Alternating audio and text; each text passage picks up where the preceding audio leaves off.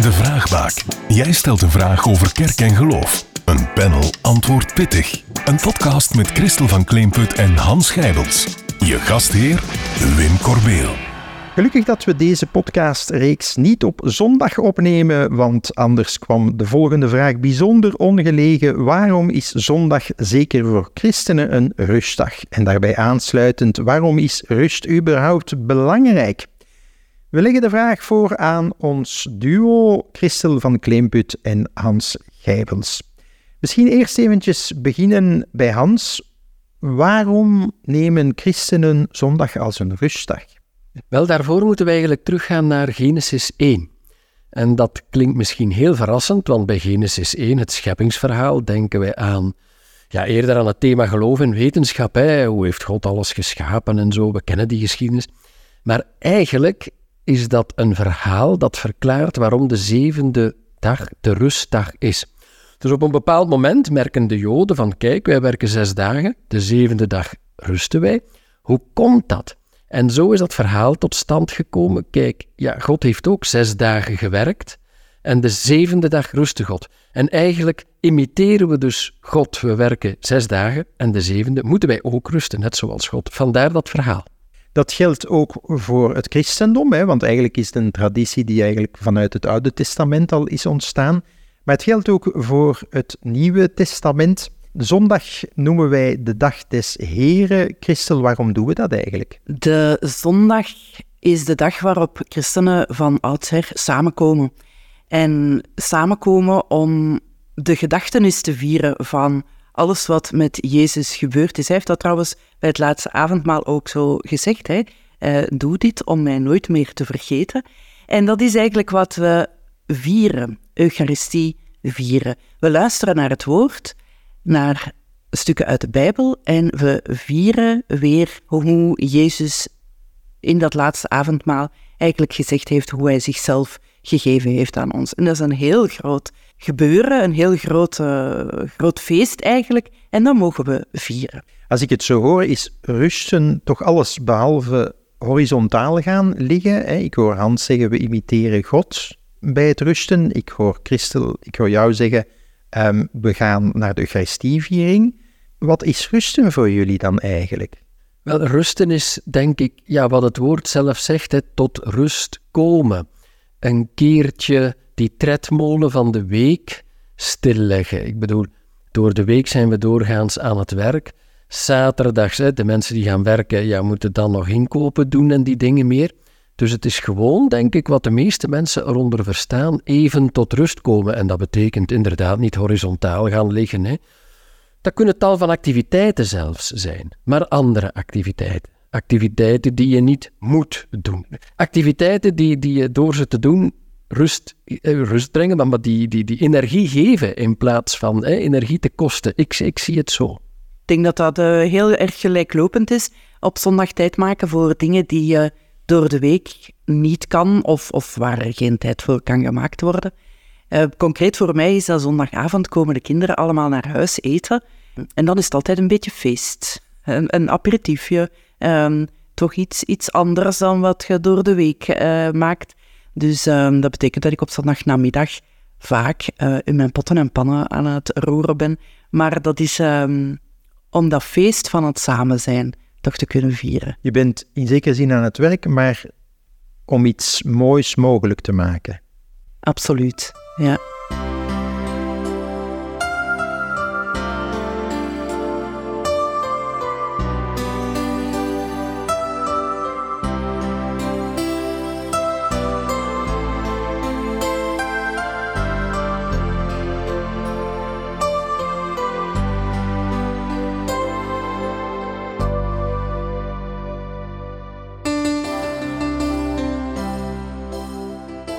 Ik hoor wel heel vaak zeggen mensen die het zo druk hebben, wiens agenda propvol zit en die dan op zondag eigenlijk de dingen doen die ze de rest van de week niet meer gedaan krijgen. Hoe staan jullie daar tegenover?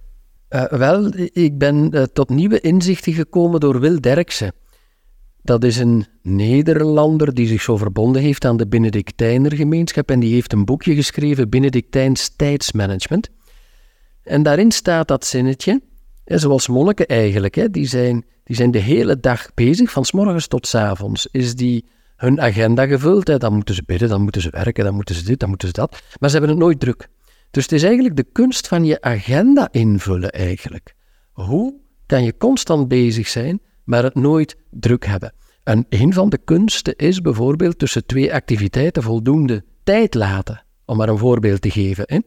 Uh, want als er één activiteit vooraan de dag uitloopt, ja, dan, dan blokkeert dat de hele dag, loop je gespannen, et cetera, et cetera. Dus ik denk dat het vooral een kunst is om de agenda te beheren en om soms ook nee te leren zeggen. Ik denk dat we, ja, dat, dat ook een kunst is en, en, dat dat een zeker onderscheidingsvermogen vraagt. Wat doe ik, wat doe ik niet? En dat geldt voor mij ook. Hè. Soms moet je dan, ja, ze zeggen dat, hè, kill your darlings. Er zijn zoveel boeiende dingen, maar ergens moet je nee leren zeggen. Hè. Uh, niet alleen op je werk, maar ook in je vrije tijd. Ik denk dat dat, een, ja, dat, ja, dat zijn zo belangrijke levenslessen die ik uit, uit Wil heb gehaald. Daarmee hebben we gezegd hoe je een plekje voor rust kan vinden, letterlijk en figuurlijk misschien ook. Anderzijds blijft de vraag, waarom is die rust belangrijk, Christel? Wel, een tijdje geleden liep die reeks op uh, tv van Out of Office. Mensen die te kampen hadden met een, uh, een burn-out en, en daar op een of andere manier probeerden uit te komen. En daar trof het mij toch ook wel hoe mensen vertellen dat ze op den duur niet meer kunnen, kunnen stoppen dat het, het voorthollen en het altijd maar blijven voortdoen, dat dat um, op den duur ja, wurgend wordt. En dan geraakt men in zo'n burn-out. Ja, het af en toe kunnen stop, uh, nee zeggen, het, het, um, het voor jezelf afbakenen, ik denk dat het een heel, heel, heel belangrijk iets is. Rust heeft dus een, een heel brede betekenis en we zien dat heel wat mensen die rust ontberen. Hans, zou je zo ver gaan te stellen dat het gebrek aan rust stilaan een maatschappelijk probleem is geworden? Oh ja, oh ja. Je, je ziet dat, hè. Dat, dat verschijnt ook geregeld in de media, hoe dat we hier in Vlaanderen bij de hoogste scoren met burn-out, met depressie, hè. Dus dat soort dingen allemaal. En ik denk dat dat te maken heeft inderdaad met het feit dat we dat de druk heel hoog is geworden. En, en niet alleen de druk op het werk, hè, maar zelfs de druk op de vrije tijd, de druk om van alles te proeven, om alles gezien te hebben, overal geweest te zijn. Ik merk dat ook bij, bij, bij jonge mensen. Ik, ik, denk, ik, ik denk vaak, ik had een veel eenvoudiger jeugd toen dan zij nu, omdat, omdat er ook al minder keuze was en zo.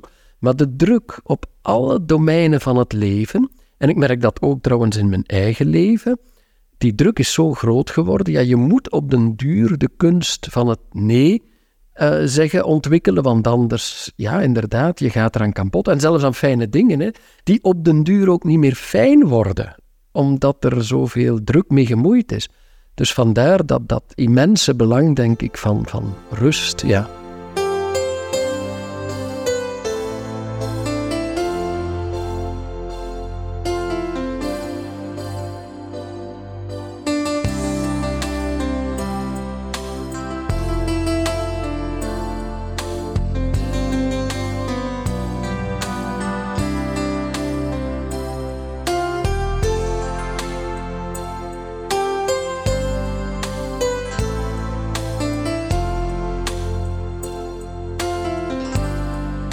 Daarbij aansluitend, Christel, je hoort dat plekken zoals abdijen en kloosters, dat die steeds vaker in trek zijn voor mensen die wat stilte opzoeken. Hangen die twee samen, stilte en rust, voor jou? En is daar even grote nood aan? Voor mij hangt dat wel samen. Um, ik kan in de stilte tot rust komen. Ik weet dat dat niet voor iedereen zo is. Dat stilte soms ook beangstigend uh, kan worden. Om, misschien ook net omdat we het niet meer zo gewoon zijn. Anderzijds ervaar ik in heel wat dingen wat ik met kinderen doe, hoe erg, hoe groot die nood is aan stilte. Kinderen vinden dat eigenlijk fantastisch als je stiltemomenten kunt inbouwen. En dat mogen langere stiltemomenten zijn. En zo niet vanuit een verplichting, maar wel van het is goed om stil te zijn. En daar hebben ze allemaal heel veel baat bij. Hans, zie jij nog andere plekken zo voor je, voor de vuistweg, waar je stilte kan beleven? Ik zie dat heel veel mensen toch op zoek zijn. Hè? En, en ja, dat wordt niet langer alleen gevonden in kerken, maar ik zie toch dat mensen daar vaak eens binnen gaan, ook al hebben zij voor de rest eigenlijk daar geen binding mee. Maar mensen zoeken dat ook op allerlei andere manieren, hè? bijvoorbeeld via yoga en zo.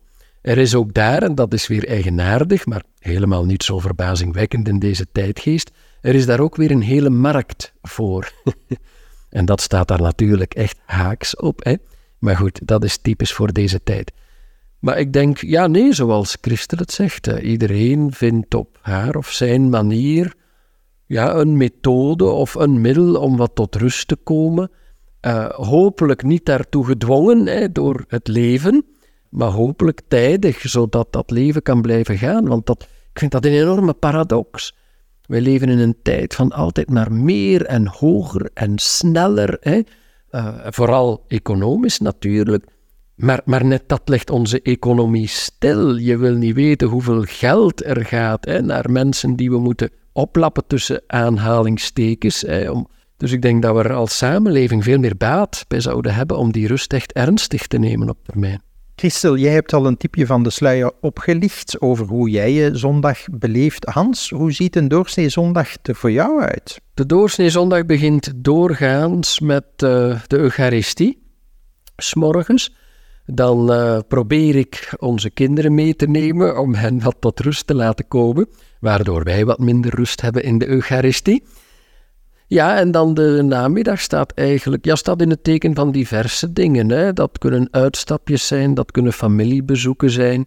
Nee, dat is, het, is, het is altijd in het teken zo van wat ontspanning, samen zijn als gezin, hè. echt uh, bewust tijd maken voor elkaar. Uh, we vinden dat heel belangrijk op, en dat kan op heel diverse manieren. Christel van Kleemput en Hans Gijbels, bedankt voor deze vraagbaak. Graag gedaan. Tot genoeg. Je luisterde naar De Vraagbaak. Heb je zelf een vraag over kerk en of geloof? Of ken je zo iemand? Contacteer ons dan zeker op wim.corbeel.kerk.net.